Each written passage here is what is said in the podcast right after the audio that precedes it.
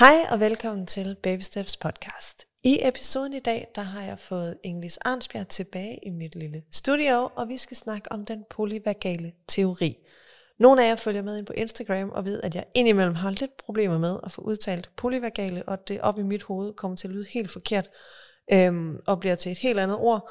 Men det er altså ikke det, det skal handle om i dag. Det skal handle om den polyvagale teori, altså vagusnerven, og hvad for en betydning det har for vores nervesystem og for vores hverdag. Og øh, Inge-Lise, hun kommer og øh, fortæller om det om et øjeblik.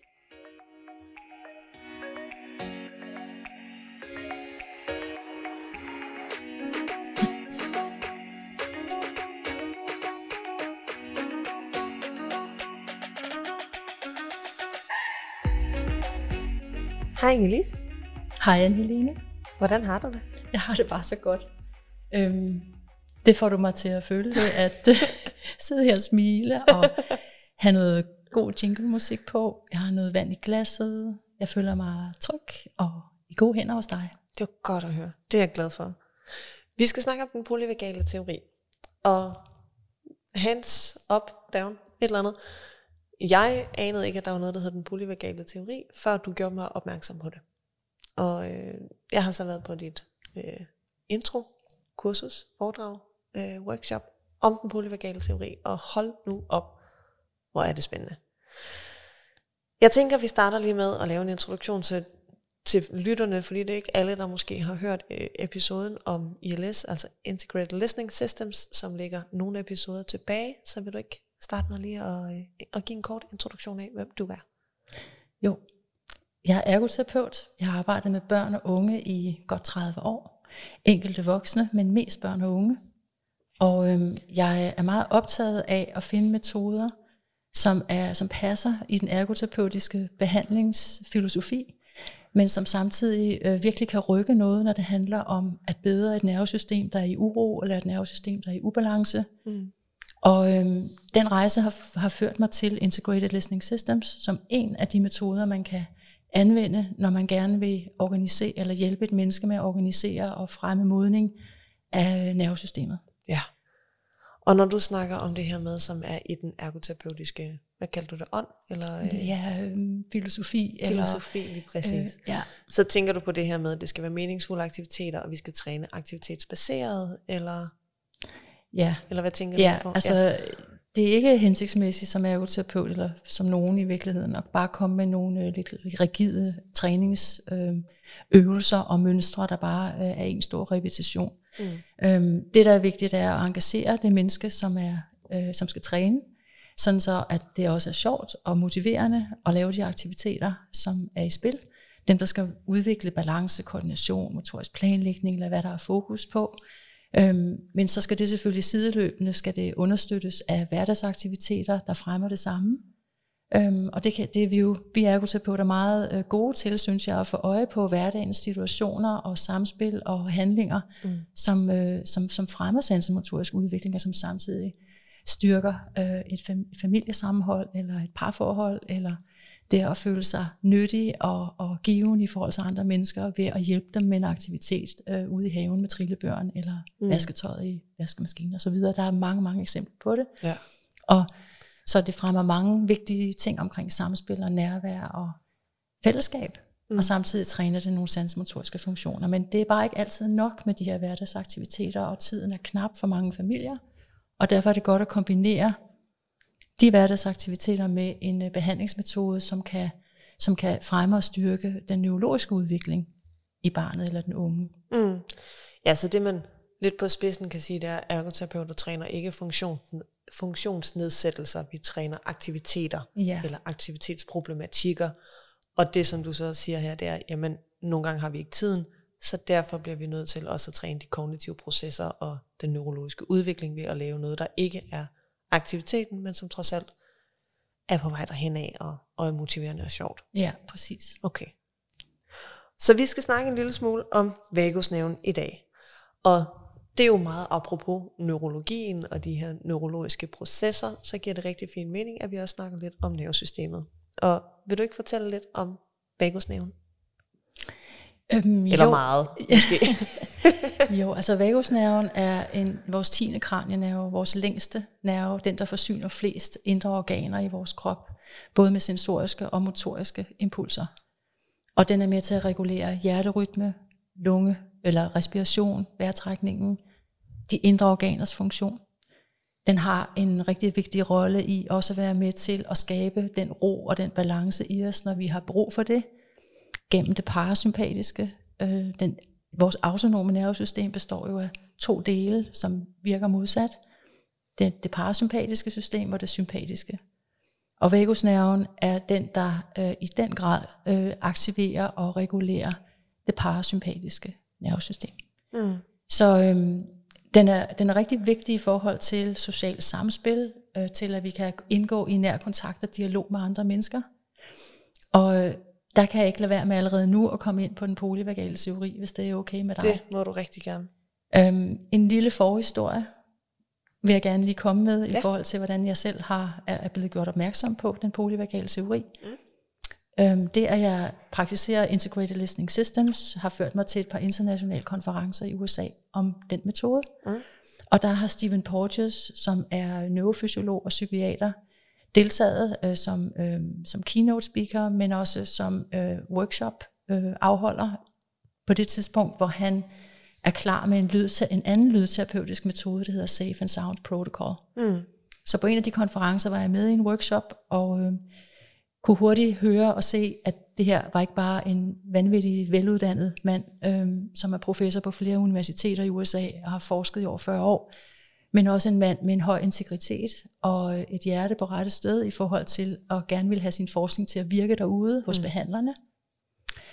Og øh, så bliver jeg gjort opmærksom på, at han er kendt for den polyvagale teori, som han fremsatte i 94. Og det er og, altså nogle år siden, hvis nogen det er mange, rigtig mange år siden. Og øh, der har været opmærksomhed på denne her teori gennem mange år, men det er som om, at i de sidste, de sidste fem år, synes jeg, der er blevet mere og mere fokus på, hvor vigtig en teori det er, fordi den belyser, hvordan vores autonome nervesystem fungerer. Mm. Og den belyser, øh, hvor vigtigt det er, at, at vi mennesker er i, i, i en følelse af tryghed og sikkerhed, når vi er i dialog med andre mennesker. For hvis vi ikke er det, er det nogle elgamle eller mekanismer i nervesystemet, der tager over og giver os et beredskab, som nogle gange kan være på sin plads og vigtig, hvis det er, at vi vidderligt er i fare og skal forsvare os selv. Men det kan også føre til en tilstand af handlingslammelse og kollaps, når man er så presset, og ens nervesystem er så overstimuleret, at det ikke længere kan klare øh, situationen, så kan der komme den her tilstand ind, som gør, at vi ikke er i stand til at handle, og så vi bliver fastlåst i en tilstand af handlingslammelse. Ja, og det er jo det, man for eksempel snakker om i forhold til voldtægtsoffre, men øh, altså freeze. Ja, det er freeze-tilstanden. Ja, i sin ultimative form. Ja. Ja. Jeg vil, vil, vil gerne komme med et øh, hverdagseksempel, fordi jeg har et helt friskt fra i morges, da jeg skulle aflevere floke omkring det her med, hvordan de omgivelser og den situation, man kommer ind i, har indflydelse på, hvordan vi har det. Der er øh, sammenpasning i vuggestuen, og øh, jeg skal aflevere Floke her til morgen, og det er en anden vuggestue, end vi plejer at komme ind i. Han har ikke haft det helt vildt nemt med at skulle afleveres øh, i de sidste mange uger, og vi arbejder os derhen imod, at han igen bliver glad for det, hvis sådan, og jeg får lov til at bruge god tid på at lave en god overlevering, stille og roligt. Han bliver modtaget af nogen, han kender, og oftest også uden at der sådan er pres på i øvrigt med råd fra Connie Nissen, uden at der bliver pres på, ej, se den der over, men bare få lov til at være i, at han bliver klar selv, så han ikke føler, at han bliver snydt ind i, mm. at mor hun går. Men jeg kommer ind i vuggestuen her, og øh, kommer ind i garderoben, og der står fire voksne med et par børn på armen, og jeg kan ikke rigtig lure, om de er pædagoger, eller om de er forældre, og der er ikke rigtig nogen, der sådan tager imod mig, og jeg spørger sådan, om er der en voksen fra Flokes vuggestue her, og de er sådan, nej, de kommer først klokken 9, og der var klokken 8, og sådan, shit. Så allerede der, jeg følte, jeg var ikke rigtig modtaget, jeg følte ikke, at, der, at jeg blev set, da jeg kom ind, og øh, hvem skal så se mit barn, hvis ikke de ser mig? Og, altså, så, så mit system kørte allerede, og jeg var lige ved sådan, da de siger, at der først kom en voksen klokken 9, selv at begynde at græde, og jeg græder normalt ikke, når jeg afleverer fluge, heller ikke selvom jeg synes, det er mega hårdt at skulle aflevere ham, når han er så ked af det. Men mit nervesystem kunne slet ikke være i det. Mm. Og så sad jeg og prøvede at stille og roligt snakke med Fluke om, og finde ud af, hvad fanden gør jeg lige her? Skal jeg blive hængende i en time? skal jeg tage ham med hjem igen? Øh, skal jeg forsøge at overlevere ham til et menneske, som han ikke kender? Og jeg, jeg, jeg, savnede øh, lidt noget, øh, noget personale, der kom hen til mig og, øh, og, og greb os i den der meget utrygge situation, som jeg forsøgte også at sætte ord på for dem at sige, jeg synes faktisk, det er rigtig utrygt, at der ikke er en voksen, som han kender, kender, når jeg kommer og afleverer ham, fordi han har det, som han har det lige nu. Ja, men og sådan måtte man jo antage, at det var, når det var sådan, at man skulle i ferie, pasning og sådan nogle ting. Og der havde det måske hjulpet mit nervesystem, hvis der var blevet sagt, det kan jeg godt forstå. Mm. Det er skide hårdt, både for dig og for Flukke, men vi gør, hvad vi kan. Fair square. Det kan mit nervesystem også forholde sig til. Og det er ikke fordi, jeg vil bash vuggestuen, jeg er med på det. Det er vilkår, de opererer under, fordi at personalet også skal have ferie, og fordi der nummeringerne er, som de er, og, og det nu engang er, er kulturen, som samfundet har valgt at bestemme, at det er sådan, vi passer vores børn hen over sommeren. Men det var bare sygt utrygt. Og det påvirkede mit nervesystem helt vildt. Ja. Og i de situationer, der er det alt afgørende, at du, selvom du bliver stresset, er meget forståelige grunde, at du ikke lader det løbe helt af med dig. Og det er ikke os alle sammen, der kan, der kan undgå det. Fordi nogen er måske stresset i forvejen til et mm. punkt, hvor det var lige dråben. Ja. Og så kan stemmen blive rigtig skinger. Eller man kan begynde at svede, eller se frygtelig vred ud i ansigtet, eller hvad der kan ske. Ja. Og det er forståeligt, fordi det er i overensstemmelse med, hvordan ens nervesystem har det, når man mm. reagerer på den måde. Men når du er i stand til, nu fortæller du, så snakker du alligevel med Floke, sætter dig ned hos ham og, og er sammen med ham. Og det vil sige, at du tøjler øh, den stress, den indre stress, og du bruger dit, det man kalder det sociale engageringssystem, det kommer jeg ind, i, ind nærmere på lige om lidt, til at gøre din søn så rolig, som det nu kan lade sig gøre i den situation. Ikke? Jo. Forsøger han i hvert fald ikke bliver påvirket af det. Jeg kan jo ikke undgå, at altså jeg er slet ikke i tvivl om, at mit hjerterytme den lige steg med øh, 50-100% og forsøgt at få det under kontrol. Og en af grundene til, at jeg måske kunne holde den der, er fordi, at jeg har været på et kursus omkring den polyvagale teori, og lige præcis ved, hvor vigtigt det er. Fordi jeg arbejder med sansintegration hver eneste dag, og om samregulering, og på den måde måske er fine-tuned ind i mit eget sansesystem og hvad det gør. Men altså, jeg gik derfra tud brølende, ja. for så kunne ja. jeg ikke holde den længere. Nej. Og hele vejen ind i Netto for at handle mælk, og hele vejen hjem, og måtte lige sidde med min, med min kæreste. Så fik jeg jo dårlig samvittighed over, at jeg kunne få en krammer af min primære omsorgsperson, min kæreste, da jeg kom hjem, og at Floke han ikke kunne få af en primær omsorgsperson. Altså, så kører. Ja. Men han har fået sat meget i banken, din søn. Det tror jeg. På hans konto er kram og kys, der står rigtig meget, og der kommer ja. endnu mere, når han kommer hjem igen. Ja, ja, og de øhm. har jo også sendt en sms om, han havde det fint. Nå, hvor godt. Yep. Så det var bare... Men altså, det er et super godt eksempel, uh, Anne-Helene, fordi uh, nu, nu, nu var dit nervesystem i, i stand til i dag at takle situationen, som det gjorde. Men det, som jeg nævnte før, det er ikke alle, der kan det, og det har også at gøre med, hvad man ellers kommer med ja. af opbygget stress i forvejen. Lige præcis. Men jeg, jeg vil gerne tilbage til lige at forklare øhm, mekanismerne i den polyvagale teori, eller hvad det er, den belyser. Og så vil jeg gerne komme med et par eksempler mere, der ligesom dit viser, hvordan det kan vise sig i hverdagen. Ja. Kan vi starte med at bryde navnet en lille smule ned? Ja. Fordi vi, vi snakker om vagusnerven, og så siger vi den polyvagale teori. Ja. Så ja. den, det giver sig selv. Men ja. poly, mange. Ja, flere vagale, funktioner. Flere funktioner. Vagu, og vagale. Ja, vagusnerven, den har flere funktioner, flere end man troede år tilbage, før at, at dr. Stephen Porteous havde dissekeret den her vagusnerve og påvist, at der er en ventral eller en forreste del, mm. og en dorsal eller bagerste del, eller forgrening af den her nerve. Og de forgreninger har forskellige funktioner og forskellige aldre mm. i, hvornår de er blevet udviklet. Øhm, så poly er mange, og vagal, altså vagusnervens flere funktioner. Ja betyder det. Så, så vagale betyder egentlig vagus i flertal på engelsk? Ja, yes, ja. Og så teori. Ja. ja. det er bare lidt, fordi Det ved jeg ikke. Det var bare lige mit hoved, der i starten slet ikke havde fanget, at de to hang sammen.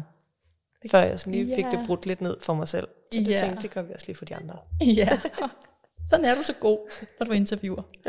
øhm, så det her handler om det autonome nervesystem. Det vil sige den del af vores nervesystem, som ikke er under viljens kontrol. Mm. Stort set. Ikke fordi i virkeligheden er det ikke helt sådan. Man kan faktisk godt påvirke med viljeskontrol. Men altså stort set er det ikke under vores viljeskontrol, hvor, hvor, hvor hurtigt vores hjerte slår, og hvor, hvor hurtigt vi trækker vejret, og hvornår vi sveder og ikke sveder.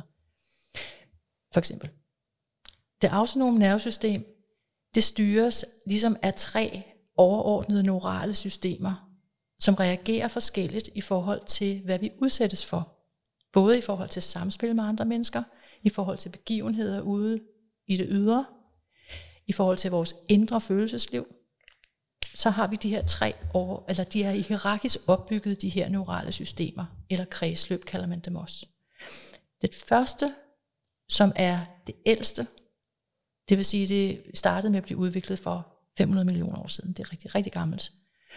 Og øh, det system er udelukkende beregnet til at passe på os i en dødstruende, eller en livstruende hedder det, situation. Det er egentlig det overordnede, den overordnede mening med det system. Og det vil sige, at hvis et eksempel kan være en mus, der bliver fanget af en kat, og den spiller død, kan man kalde det, eller den virker død, den hænger bare i kattens mund, og det er nervesystemets ultimative sidste chance for, for at, øh, at den her mus overlever. Hvis den stadigvæk spræller, vil katten synes, den er enormt sjov at lege med, og så ender det med døden. Hvis den spiller død, kan det være, at katten tænker, dødkedelig mus, gider den ikke. Slipper den og går sin vej, finder en mere sjov mus at lege med, inden den æder den. Og der kan man så se en mus, der ligger til synligheden fuldstændig død, at den lige pludselig med et sæt kommer til live igen og piler afsted og har reddet livet. Så den del i den ultimative øh, version, der beskytter den os i en døds livstruende situation. Det er den samme mekanisme, der kan ske, hvis man er udsat for meget grov vold eller voldtægt, og man fryser. Kvinder har beskrevet, hvordan de under en voldtægt intet har kunnet gøre. De har, de har været dissocieret, som man kalder det. En dissociering er, at man ligesom er, øh, befinder sig ved siden af sin krop, og ikke længere øh, helt kan mærke, hvad der i virkeligheden sker. Og øh, den tilstand, den bevirker jo så, at voldtægtsmanden øh, manden får fuldbyrdet det, han har i sinde, mens den her kvinde ligger forsvarsløs, og kan senere i en retssag blive beskyldt for, grotesk nok, at hun lå der jo bare og gjorde ikke noget alligevel. Ja. Og det er, der er et ønske om, at den her viden om den del af det autonome nervesystem, som, som fører til immobilisering og kollaps, at der sker en større forståelse for den mekanisme, sådan som man i en retssag kan tage hensyn til, det kunne faktisk være, at hun gik i freeze. Mm. Så det er det ældste system. Det, så er der det system, der hedder det sympatiske, eller sympatikus. Og det er det system, der er i spil, når vi, når vi føler os truet eller i fare, og gør os i stand til at handle, modsat det, jeg lige talte om. Og det vil sige, at at vi kan enten flygte, eller vi kan kæmpe, hvis vi er udsat for en fare. Men det er igen i en tilstand i sympatikus, hvor man vidderlig er i fare, og hvor der skal ske et forsvar. Men man, kan, man er også sympatikus, når man skal til eksamen. Eller når man, jeg er i sympatikus nu, fordi jeg skal præstere i forhold til at snakke med dig. Mm. Samtidig er jeg også i ro. Det kommer jeg tilbage til om lidt. Det er jeg jo faktisk også, fordi jeg føler mig tryg. Mm. Men jeg er helt klart i beredskab. Det skal jeg være. Ja. Børn er også i sympatikus, når de leger. Når de rusher ned ad en rusjebane, eller løber rigtig stærkt om kap, eller hvem kommer først hen til, til Tove, og så videre. Ikke? Mm. Der er de også sympatikus. Men samtidig så er de i samspil og i leg, og de har det sjovt. Så sympatikus er et super vigtigt system, som en del af det autonome nervesystem. Det skal få os til at kunne handle. Mm. Det skal også kunne få os til at passe godt på os selv, hvis vi, bliver, hvis vi kommer i fare.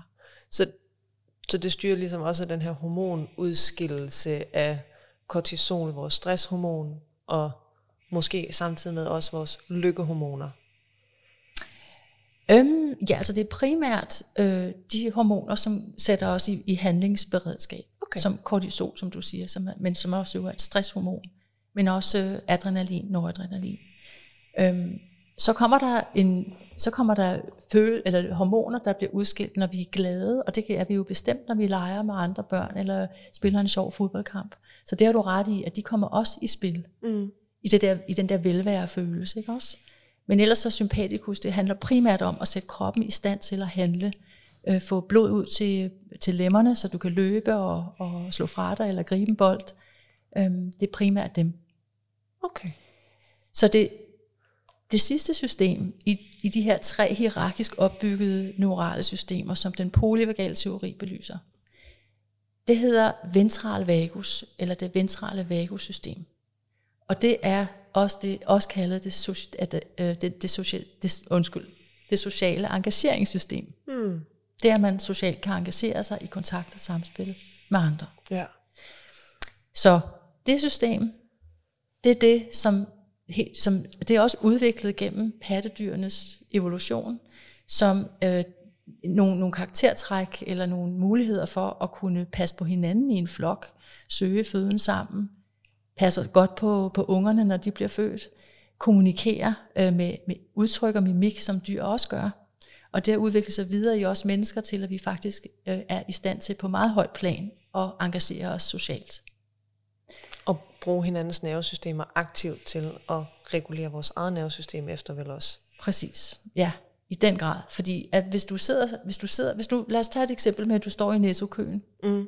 og der kommer en anden kunde hen, som du kender, øhm, og I begynder at snakke om, hvad I laver for tiden, og I har en rigtig god snak, mens I står og venter, så hvis hun så fortæller noget, hun har været udsat for, som har været ubehageligt, så vil din ansigtsudtryk afstemmes den tilstand, hun er i, helt naturligt. Ja.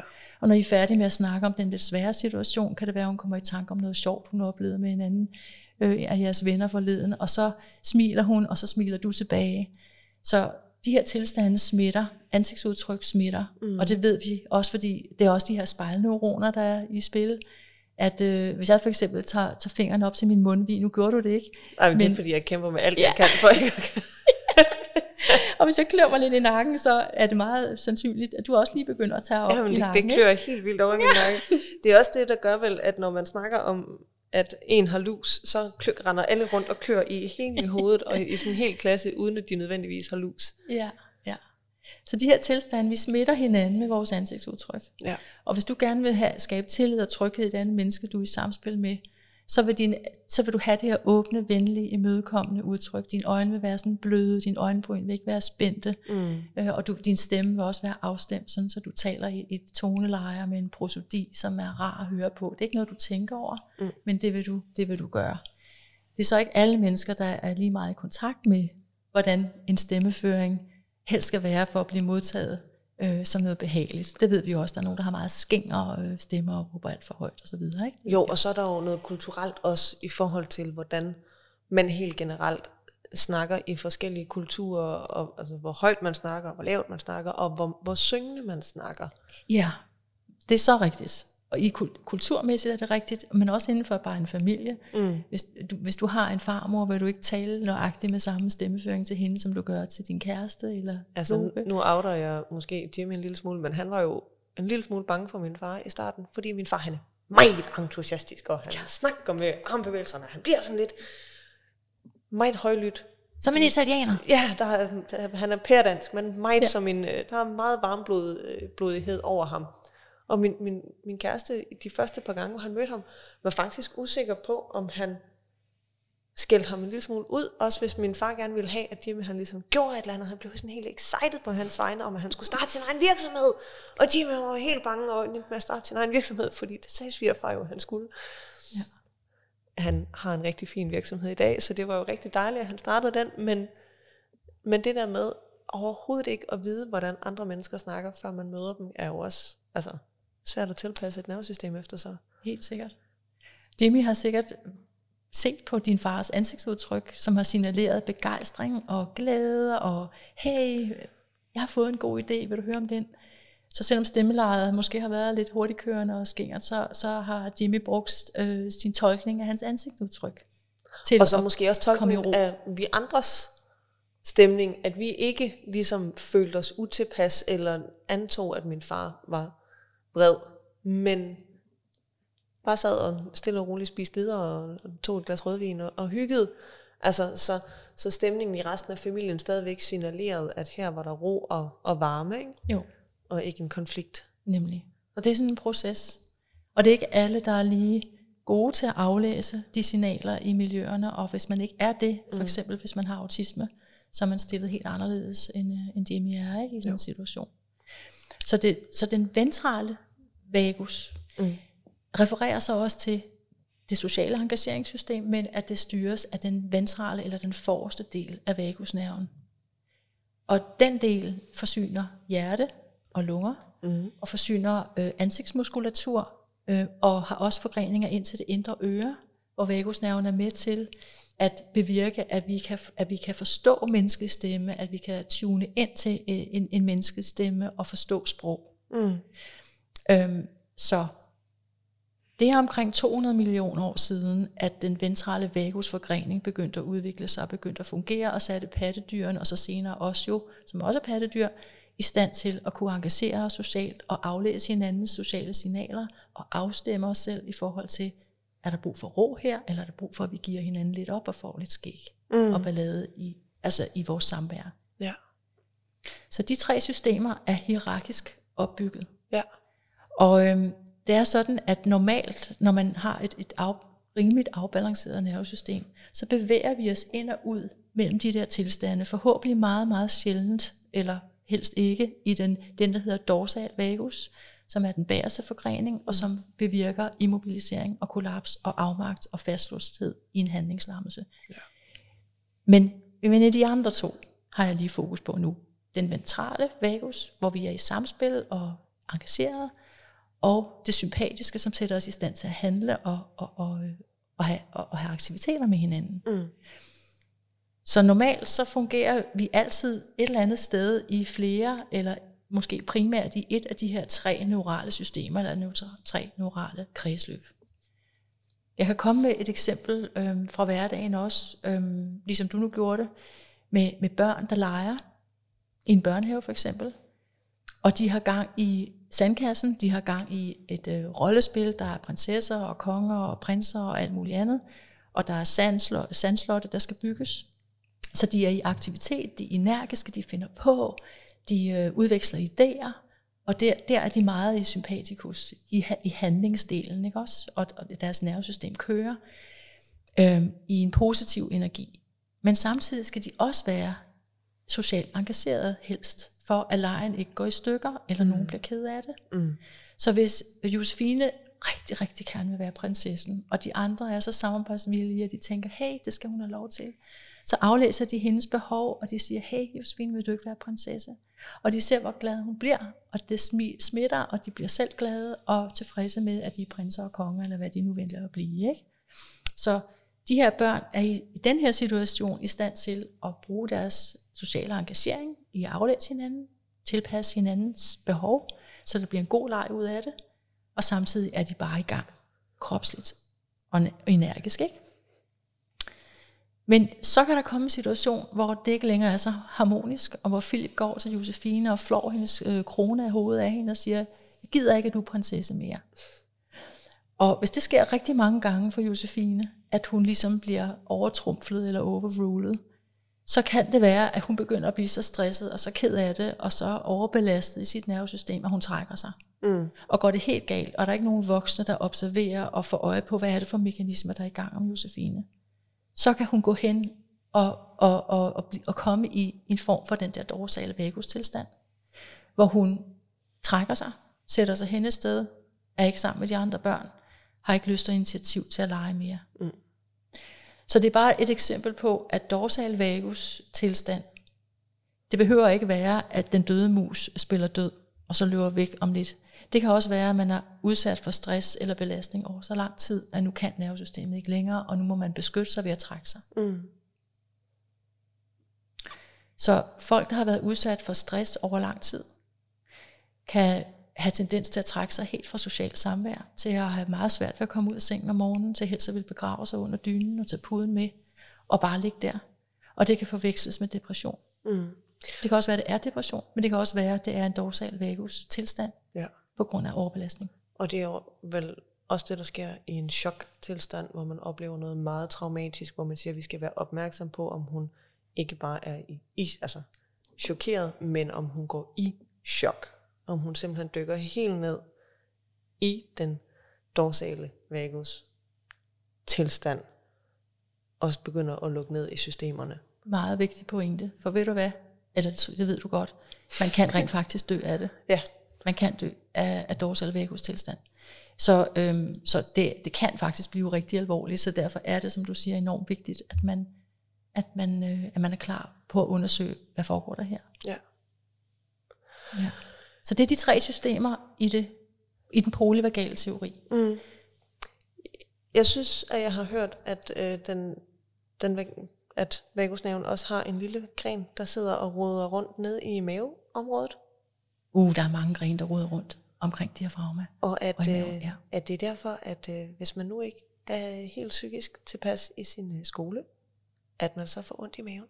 Fordi Ja. det er vagusnerven, der ligger lige der med en lille eller 10 pinde, og stikker ned og fortæller nervesystemet, at det her det er ikke rart. Og så spiller det, kommer det så til udtryk som en, det vi kalder en somatisk reaktion, altså en kropslig reaktion. Ikke? Jo, det er At, fuldstændig rigtigt. At det faktisk helt fysiologisk har en årsag, at vi får ondt i maven. Ja. Og det ikke bare er noget, vi går og bilder os selv ind. Det er fuldstændig rigtigt. Og, og der er også en anden situation, hvis man har en vagus med en lav tonus, som man siger, vagus tonus er et udtryk for, hvor meget aktivitet der er i vagusnerven. Og øh, for nogen er der tale om en afklemning af vagusnerven, for nogen er der tale om, at den af andre årsager ikke er aktiv nok, og man er alt for meget sympatikus. Øhm, igen refererer jeg tilbage til, at vagusnerven styrer det parasympatiske, så jo mere vagusaktivitet, jo bedre chance er der for, at, vores, at vi er afstemt og, og i ro. Så hvis man har en, en ikke, øh, eller en vagusnerve med en lav tonus, som ikke har været stimuleret nok over lang tid, når den så bliver stimuleret, og det bliver den blandt andet med Safe and Sound Protocol eller SSP, som vi kommer ind på senere, så kan der ske meget typisk det, at man får mavesymptomer. Hmm. Det kan godt være, at man får lidt ondt i maven, men oftest så er det en trang til at gå på toilettet meget mere hyppigt, end man ellers gør. Man kan få direkte diarré. Så det er så også Er det, der spiller ind måske, når hvis man, skal, hvis, hvis man får dårlig mave lige inden man skal på talerstolen eller op til en eksamen. Ja, men der der er sympatikus altså også inde og rode. Okay, Ikke? Fordi det blander sig også det system. Og der kommer virkelig gang i mavetarmsystemet. Okay. Ja. ja. Men, øh, men det er det er rigtigt, det er primært det parasympatiske for øhm, normalt, hvis du er i total sympatikus og virkelig skal præstere, så har du højst sandsynligt ikke diarré, fordi alt blodet er ude mm. i, i lemmerne i forhold til at kunne løbe stærkt. Ikke? Selvfølgelig. Ja. Mm. Men det er meget spændende med de mekanismer, der spiller sammen her. Ja.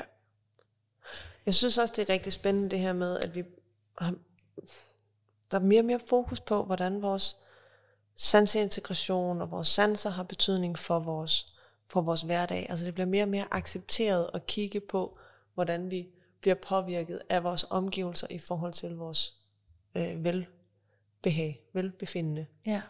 Øhm, at vi ikke, ja, det er bare, Og det hænger sådan sammen, når du bringer det her op, ikke? det hænger totalt sammen, fordi hvis vi har et, et hvis vi er, hvis vi har forstyrrelser i vores sansebearbejdning, nu tager vi eksemplet med, at man er meget sensitiv og øh, overvældet af lyd, lys eller bevægelse, berøring, hvad det kan være, så er man jo mere eller mindre i beredskab hele tiden. mm, Mange børn er i beredskab, uden de er klar over det, fordi deres nervesystem er på vagt, fordi nu kommer der igen høj lyd, eller nu er der igen et barn, der putter sand ned i min sko, eller hvad det kan være. Ikke? mm, Og hvis man er øhm, overvejende i beredskab, så får det parasympatiske ikke lov til at spille en stor nok rolle. Det bliver sværere at slappe af og finde ro, både kropsligt og følelsesmæssigt, tankemæssigt.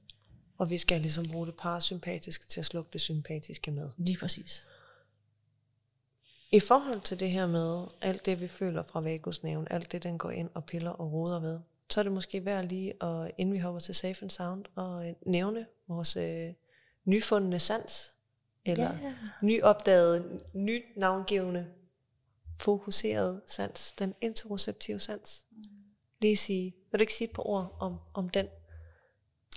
Jo, det vil jeg. Det har vi altså ikke aftalt, Altså, at, at du skulle snakke jamen- om, men, men jeg kom bare lige til at tænke nu, Jo, Det vil jeg meget gerne. Altså den interoceptive sans, eller den 8. sans, kalder vi den jo nu, fordi vi har otte sanser. Den, den giver os besked om, hvordan vores indre organers tilstand er, og hvordan vores indre i det hele taget har det. Og det er en meget vigtig sans i forhold til at kunne mærke, nu er jeg sulten, jeg skal spise, eller nu er jeg mæt, eller nu øh, skal jeg på toilettet, eller nu banker mit hjerte hurtigere, det er fordi min puls går i vejret, fordi jeg løber en tur.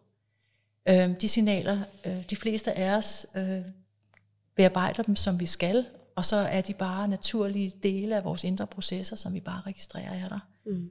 Men for nogle børn, unges, voksnes vedkommende, der kan de enten, som i andre sensorsystemer, være særligt øh, altså være specielt sensitive omkring den interoceptive fornemmelse. Og det vil sige, at det at, at løbe og få pulsen i vejret og begynde at svede er forbundet med ubehag, og ofte sådan en, en lidt kaotisk følelse af, jeg ved ikke, hvad det er, der gør, at jeg bare har det rigtig skidt nu, men det har jeg. Mm. Øh, og omvendt, og, og der vil jeg lige få til, at rigtig mange mennesker med autisme er meget sensitive i deres interoceptive system. Og det kan være baggrund for, at fysisk aktivitet er no-go. Ja.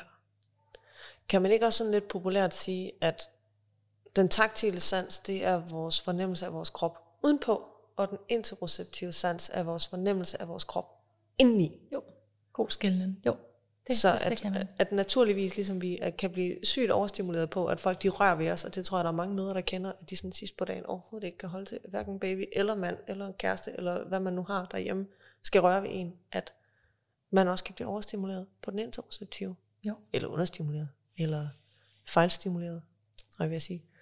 Ja, altså det er jo svært at stimulere vores, vi kan ikke rigtig bevidst stimulere, øhm, jo, vi ved at spise, ved at spise.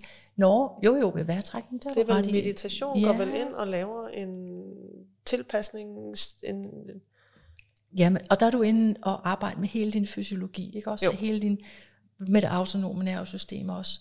Men jeg mener bare, det er svært andet end, at hvis du vil stimulere den interoceptive sans i forbindelse med spisning, okay, så spiser du. Hvis du skal mærke, hvordan det er at tisse, så går du derud og tisser. Men, men øh, ellers, mange andre indre organer kan du ikke bare bevidst stimulere. Nej. Men, øh, men det jeg også lige vil nævne var, som er rigtig vigtigt, det er, at ligesom man kan være øh, hypersensitiv i det interoceptiv, så kan man også være det omvendte, lavt registrerende. Og det vil sige, at vi skal være meget opmærksomme på, hvis børn og unge, eller specielt jo børn, øh, har mange uheld, kommer til, til, til at tisse i bukserne mange gange i løbet af dagen. Øh, hvad handler det om? Er det emotionelt? Er mor og far ved at blive skilt? Øh, bliver barnet ikke hørt og set nok? Er der noget anatomisk, fysiologisk galt? Eller er det måske en svag registrering af den interoceptive fornemmelse af, at jeg skal tisse? Mm. Så øh, vi har som ergoterapeuter en vigtig rolle i også at tænke den sansning ind. Ja. Og som du er inde på, det, det er meget nyt, at folk bliver opmærksomme på, at den er der, øhm, og at den skal, den skal med i det hele billede. Ja. Der er en meget dygtig amerikansk ergoterapeut, Kelly Marler, som man kan slå op og øh, læse på hendes hjemmeside, tage kurser online, som er virkelig dygtig inden for det interoceptive. Kelly Marler, M-A-H-L-E-R. Ja, jeg skriver det også lige ned i uh, teksten. Ja. Så man kan finde hende. Jeg ja. skriver også lige Stephen Porges dernede. Og så kan jeg også lige nu, hvor vi øh, lige har et opbrud, sige virkelig undskyld for, at der er noget baggrundsstøj her. Men øh, der er voldsom trafik ude foran vores vinduer lige nu, og øh, biler, der arbejder. Eller, jeg, jeg ved ikke, hvad der foregår derude. Der er i hvert fald, der er lige lidt baggrundsstøj, og det beklager jeg. Det er et virkelighedsbillede. Ja, det kan det du ikke gøre noget ved. Nej. Men jeg har lyst til lige, inden du spørger mere, mm. fordi nu vi talt om eksempler fra hverdagen på, hvordan de her systemer virker i os. Øhm, hvordan det autonome nervesystem fungerer, og sætter os i stand til samspil kontra stress og få, og få stress, ikke? Jo. Så vil jeg nævne en bog, som øh, hedder Skole uden skæld ud, hvorfor og hvordan.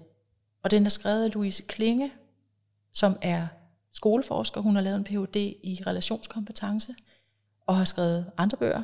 Men den her har hun nu skrevet i samarbejde med Erik Sisgaard, mm. som er oprindeligt er lærer, men også forsker nu skoleforsker, og så Mette Thor Jørgensen, som også er lærer, og som alle tre har det her ærne at belyse, hvad skal ud gør mm. ved børns nervesystemer. Ja.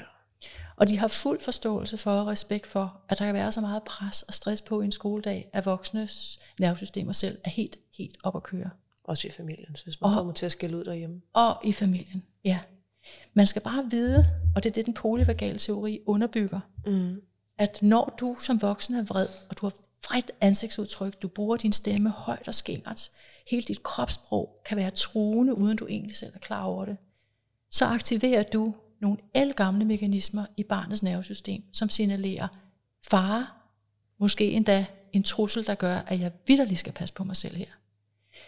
Angst er følgen, usikkerhed, og det er i hvert fald helt sikkert, at i sådan en tilstand, i, i den i den tilstand i nervesystemet, som handler om sympatikus i yderste beredskab, som sker hos de her børn, selvom man måske ikke kan se det på dem.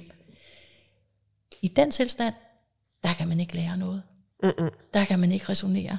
Der kan man ikke tænke, hov, det kan være, at jeg skulle have grebet det her an, anderledes en anden gang. Måske skulle jeg i virkeligheden ikke have kastet den stol. Altså det, det, øh, det kan man ikke, når man er i den tilstand. Og derfor går Stephen Porges polyvagale teori fantastisk fint hånd i hånd med det her vigtige værk, som Klinge Sisgaard og, og Thor Jørgensen har skrevet. Det er ikke en løftende, løftet pegefinger mod alle de lærere, som kommer til at skille ud.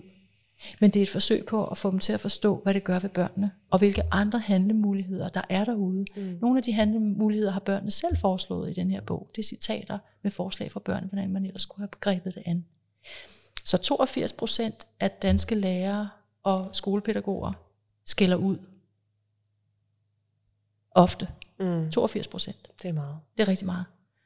Og indskolingsbørnene 0 til 3. der er det halvdelen af dem, som oplever at blive jævnligt skældt ud. Og i mellemtrinnet er det over øh, 25 procent af børnene, som oplever det. Og i, øh, ved jeg det nu, det hedder ikke ydertrinnet. Udskoling. Tak, udskolingstrinnet, ja. Der er det knap 25 procent, der oplever det. Og selvfølgelig ved vi alle sammen, at der er mange gode grunde til, at lærere og pædagoger bliver, kommer ud af balance og bliver frustreret dybt endda. Mange mekanismer er i spil. Det ved vi godt. Men, men vi, vi ved, vi skal bare altid huske på, at ligesom du sagde, du har været på det, på det, det her kursus i den polyvagale teori, du har en grundviden, der gør, at det måske lige præcis var det, der bremsede en reaktion, du ellers ville være kommet i, hvis ikke du havde det her i baghovedet. Hver dag er det noget, der gør, at jeg bremser mig selv i at reagere, som mit nervesystem fortæller mig, at jeg skal reagere. Det er fantastisk, at du kan det. Og hvis lærere og pædagoger derude øhm, også er i stand til det, Altså så det er ikke hver gang, det anden- lykkes, men, Nej, men, men hver dag men er du- jeg i situationer, hvor jeg får holdt noget af det tilbage. Og Ja. så kan det godt være, at jeg alligevel kommer over, men jeg er, ja, Du har det med dig. jeg har, har det med dig Og jo- hele tiden. Og jo mere vi øver os i det, jo bedre vil vi blive, som det er med alt andet. Og, øh, og hvis, hvis lærere og pædagoger læser den her bog, det ved jeg, der er mange, der gør, så er der en større sandsynlighed for, at øh, de ikke vælger at råbe ud i lokalet eller ind i ansigtet på et barn, mm. men i stedet for sætter sig ned i øjenhøjde og får en, øh, en samtale med barnet. Og signalerer ro og tryghed, frem for at køre med barnet op i en spiral, som gør, at det hele går helt op i en spids, og ingen lærer af det. Mm. Fordi der er kaotiske nervesystemer som resultat. Ja. Så vi kan skabe et sundere, øh, sundere undervisningsmiljø miljø for børn, hvis vi tænker den polyvagale teori ind. Og har vi at gøre med, med børn, som har sårbare nervesystemer i forvejen, så er det sidste, de har brug for, det skæld ud. Jo. Det, de har brug for, det er at føle sig elsket og holdt af, og øh, føle sig trygge og sikre i de voksnes hænder. Det er præcis. Så det var vigtigt for mig lige at, at nævne den også. Det er godt, du gjorde det. Nu skal vi snakke om Safe and Sound Oh ja, yeah. Protocol. yes. Ja, Go. go. Stephen Porges, tilbage til den gode fysiolog, neurofysiolog. Han har udviklet en, en lydterapeutisk metode, som nu hedder Safe and Sound Protocol. Oprindeligt var det hans ærne, at han ville skabe en lydterapeutisk metode, som reducerer lydfølsomhed, fordi han oplevede, at rigtig mange stressede nervesystemer var det, fordi at der var en lydfølsomhed. Mm. Dengang hed det Sound Sensitivity Program, så stadigvæk SSP. Okay. Efterhånden som man kørte de kliniske afprøvninger af denne her metode, som er, at man lytter til samlet set 5 timers bearbejdet, frekvensfiltreret musik. Ja. Jeg skal nok vende tilbage til, hvorfor man mener, det virker. Øhm, at der opdagede man, at rigtig mange individer, der skete nogle, nogle, nogle forandringer med dem, som var positive. Deres lydsensitivitet blev reduceret. Deres sociale engageringsevne blev styrket og fremmet. Og øh, man oplevede også, at deres øh, autonome nervesystem sådan generelt blev mere afstemt, at de kom mere i ro og kom mere i balance og tænkte sig bedre om, før de handlede osv. Og efterhånden som man oplevede, at hov, det har altså effekt på andre parametre, end vi egentlig havde, havde regnet med, så omdøbte man det til Safe and Sound Protocol. Mm. Så det er, øh, det er en lydmetode, eller det er at det her filtrerede musik, som man lytter til, som har dels den egenskab, at det går ind og laver et lille fitnessprogram for to små tværstribede muskler, vi har inde i det indre øre, som forbinder vores trumhinde med de tre små knogler, hammeren, stibold, stibolden og armbolden. Mm. Fitnessprogrammet går ud på, at de her små muskler bliver mere fleksible, mere tonede i deres funktion. Det vil sige, at de bliver bedre til at øh, regulere spændingstilstanden i trommehinden. Og det vil sige, at de bliver bedre i stand til at ligesom lukke signerende baggrundslyd ud, og få fremmet øh, opfattelsen af den menneskelige stemme, og tonationen og prosodien i den menneskelige stemme. Smart. Det ja. kunne være, at jeg skulle øh, gå i gang med det træningsprogram, fordi jeg er jo sindssygt let at aflede med lyde. Ja, det kunne altså. være. Det kunne være. Det er ikke 100% alle, der oplever de her forandringer, men ja. en meget, meget stor procentdel. Jeg har praktiseret det siden 2017, mm. så i det omkring fire år. Og jeg har nogle utrolige oplevelser med nogle klienter, der har bedre deres, både fået reduceret deres lydfølsomhed, sådan, så det gjorde en kæmpe betydning i hverdagen, men som også har fået en langt stærkere kommunikation, en meget stærkere kommunikationsevne, evne, og har været, er nu bedre i stand til at indgå i sociale samspil, end de var det før. Ja. Man skal også vide, at den her metode, som tager som sagt i alt fem timer slutning at komme igennem, at den også virker forberedende til den øh, indsats, der kommer bagefter. Fordi mm. det er jo ikke et quick fix, der løser alt. Men det forbereder nervesystemet til at tage bedre imod ergoterapi, hvis det er det, der skal ske, fysioterapi, psykologsamtaler, osteopati, hvad det nu end er for en behandling, der kommer efter. Ja. Så Smart. i traumebehandling bliver det brugt rigtig meget af åbenlyse årsager, fordi okay. et bedre afstemt nervesystem tager langt bedre imod den proces, man skal igennem for at komme igennem et traume. Ja, det giver rigtig god mening. Ja. Jeg tænker, at rigtig mange er blevet klogere på, hvad er det egentlig, der sker i vores krop? Hvad er det egentlig, at den her vagusnerve går ind og gør?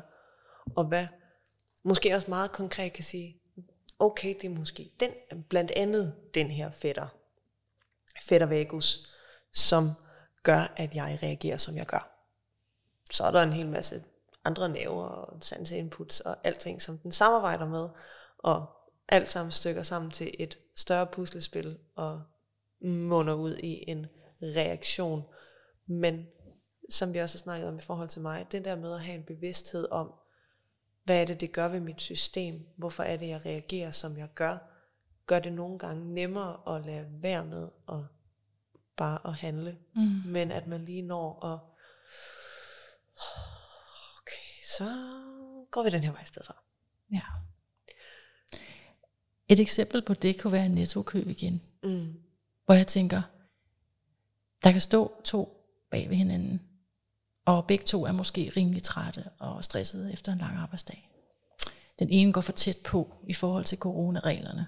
Mm. Og den anden siger, undskyld, vil du være sød lige og holde den der afstand, vi skal. Og hvis det bliver taget imod med hissighed og effekt, så kan det være, der bliver råbt højt. Du skal simpelthen bare lige lade være med at sige sådan noget til mig. Jeg var overhovedet ikke for tæt på. Mm. Og så kan vi da straks, man kan næsten mærke det, jeg kan næsten mærke det i min egen krop, ved at bare forestille mig det eksempel, hvilken uro og hvilket ubehag, der spreder sig i den stemning, der vil sprede sig i næsekøen. Så den, der har bedt om, vil du godt lige holde afstand, hvis vedkommende i stedet for siger, ved du hvad, det var ikke min mening at fornærme dig. Jeg er bare lidt optaget af corona. Med en rolig stemmeføring og et roligt ansigtsudtryk, så kan det være, at freden tænker sig igen. Men hvis man giver tilbage af samme mønt og siger, at du skal fandme ikke tale sådan til mig, så vil de to nervesystemer køre sig selv op. Mm. Eller og så ingen, slap dog af for fanden. Ja. Ingen vil lære af det. Mm. Så, så det er, der er bare så mange situationer i hverdagen, hvor man kan prøve at tage et bevidst valg. Vil jeg svare igen, for det er egentlig på sin plads på en måde, fordi hvad bilder hun sig ind? Ikke? Mm.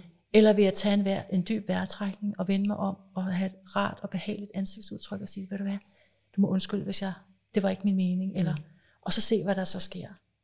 Øhm, det, vi kan bruge det i rigtig mange situationer. Lige præcis. Tak for snakken, Inglis. Ej, er den allerede forbi? Jamen, det tænker jeg. Har du Så mere, der- du gerne vil sige? jamen, der- altså, kan- der er altid mere, vi gerne kan snakke om, men Er der tid til to små beskrivelser af to cases med SSP? Bare ganske kort. kan du tro. Fordi jeg synes, det er vigtigt, at folk også ved, nogle, kender nogle eksempler på, hvad det kan indvirke på. Mhm. Jeg har haft en lille pige på fem år for nylig, mm. som har nogle udviklingsvanskeligheder på mange områder, både mentalt og fysisk. Men en lydsensitivitet, der var meget hindrende for, at hun kunne agere med de andre børn, når der var sjov ballade i børnehaven. Og som også hindrede, at hun kunne cykle, uden at skulle holde relativt hurtige, eller øh, hvad hedder det, jævnlige pauser, fordi en bil kom forbi og larmede. Så, skulle hun, så ville hun stå af, og så ville hun holde sig for ørerne mm. et stykke tid, inden hun kunne køre videre. Hun kunne heller ikke komme ind i offentlige øh, toiletter, hvor de her forbistrede håndtørrer, oh. som fanden har skabt, øh, er fordi lyden af dem, uforudsigeligheden, hvornår holder de op igen, kunne, kunne hun slet ikke. Så hun kunne slet ikke komme ind på offentlige toiletter. Så den her lille pige gennemgik SSP. Hun lyttede i samlet set fem timer, strakt over omkring godt 10 dage. Og øh, den virkning, der kom, var omgående. Forældrene fortalte, at vi har været ude at cykle, og hun har ikke stoppet en eneste gang. Hun har slet ikke været generet af bilernes lyde overhovedet.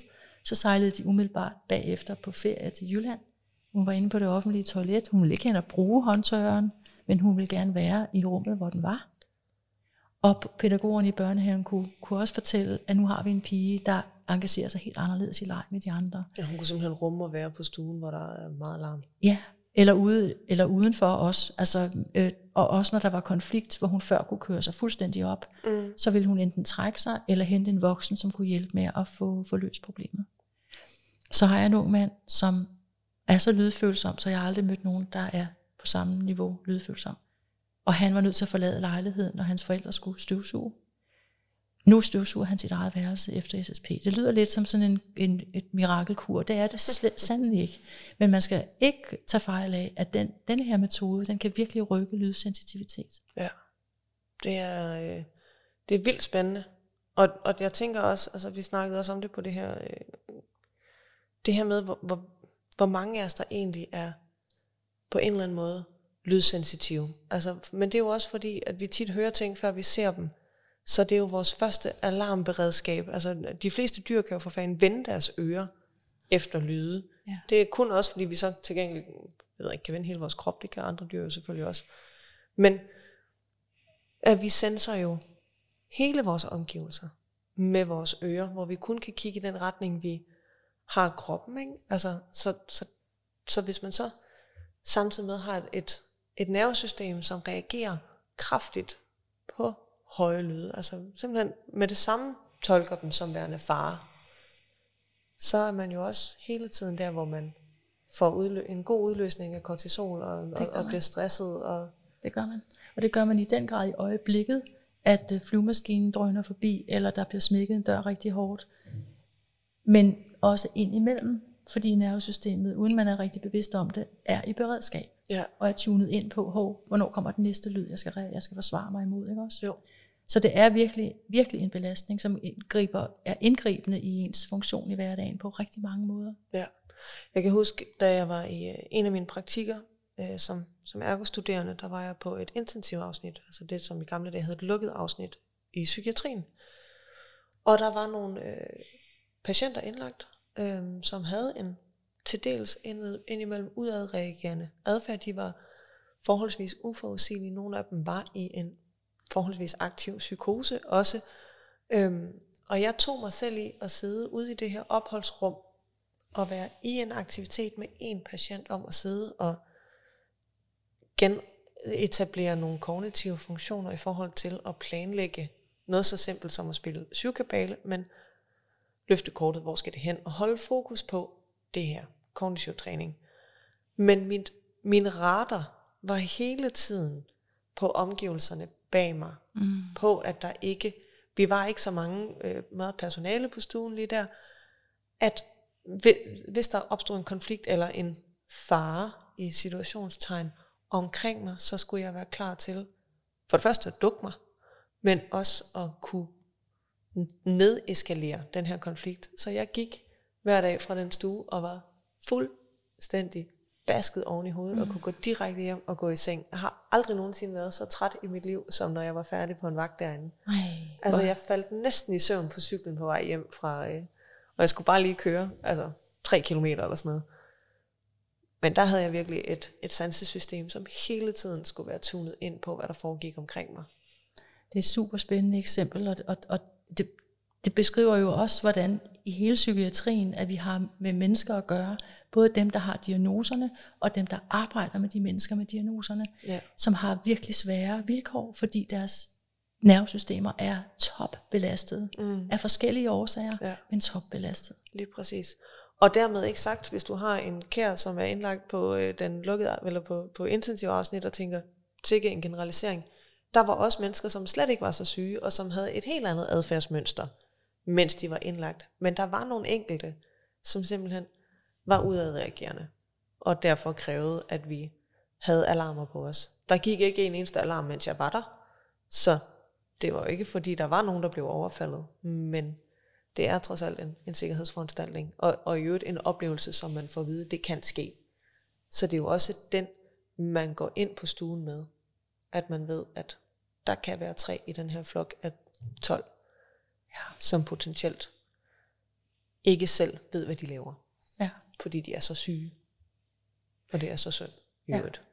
Men jeg, jeg håber, at SSP også får øh, opmærksomhed i de psykiatriske miljøer, behandlingsmiljøer, fordi at det kan være en virkelig virksom metode, både til at, at, at skabe balance, bedre balance i det autonome nervesystem, men også at reducere den lydsensitivitet. Ja.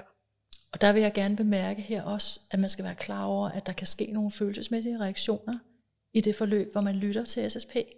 Og derfor er det alt afgørende vigtigt, at det er en, en uddannet behandler, der sætter det i gang, som enten selv har ekspertisen i forhold til at understøtte øh, som psykolog eller psykiater, eller man skal som ergoterapeut, hvis man bruger SSP, være i tæt samarbejde med en behandlende psykolog eller psykiater, som kan samle op undervejs og sikre, at personen kommer godt igennem SSP. Ja. Det jo vigtigt også lige at bemærke. Det synes jeg lyder som en, øh, en god bemærkning at slutte af på. Ja, nu stopper du mig virkelig. Nu stopper jeg dig, fordi nu har vi snart snakket i en time, og jeg synes, at jeg vil tillade mig at lige fortælle her til allersidst, at hvis nu man er fagperson inden for for eksempel børneområdet, og øh, man kunne tænke sig at vide mere om for eksempel den polyvagale teori, eller man måske er terapeut af den ene eller den anden slags, og gerne vil vide mere om Safe and Sound, eller Integrated Listening Systems, som du snakker om i en tidligere episode, den hedder Lyt og Lær, den episode. Så afholder du faktisk rigtig mange kurser i løbet af sådan et år, hvor du uddanner os andre ergoterapeuter. Og jeg kan kun give min varmeste anbefaling med herfra, for jeg har været så heldig at være med på to styks af dine kurser. Jeg har været med på dit Sensory Processing Measure kursus og på den polyvagale teori. Og du er en knalddygtig formidler. Åh, oh, tusind tak, Anne. Helene. Det er helt rørt. Velbekomme. Du ramte mig lige i det ventrale vagussystem. Ja. Yeah. Men det jeg i hvert fald også vil sige til dem, der lytter med, er, at øh, hvis nu, at man øh, ikke lige ved, hvad for et kursus, at man gerne vil på næste gang, så kan man jo gå ind og prikke sin leder på skulderen og sige, hende der Inglis Arnsbjerg, hun ved altså noget om noget. Så hende synes jeg, vi skal tjekke ud. Og det gør man enten ved at skrive www.inglisarnsbjerg.dk eller sansogsamling.dk. Jo. Ja. Og jeg skriver det også ned i beskrivelsen, og der ligger de forskellige ydelser, du tilbyder, både privatkonsultationer, men også dine kurser. Tak skal du have. Velbekomme. Så nu må jeg have lov at rose lidt tilbage, fordi du er vidderlig god til at få folk til at føle sig rigtig godt tilpas, når de er i de her podcast interviews. Tak. Du stiller rigtig gode spørgsmål, og du får os til at føle os i gode hænder. Så jeg slutter med det, jeg indledte med. tak skal du have, Ingelis. Selv tak. Og hvis man nu ikke lige har fundet mig nogen steder og kunne tænke sig at, øh, at vide mere om, hvad jeg laver, så kan man gå ind på baby og så kan man læse meget mere om, hvilke ydelser jeg har. Og ellers så kan man følge med ind på Instagram og Facebook, hvor jeg deler ud af både den viden, jeg selv har, men jeg er også så kvik, at jeg tyvstjæler citater fra mine podcasts og, øh, og deler derinde, så, øh, så de vigtigste pointer kommer frem endnu en gang. Det var alt fra mig for i dag, men jeg håber, vi høres ved snart. Jeg kan ikke love, hvornår, men øh, forhåbentlig inden så længe. God sommer. I lige måde.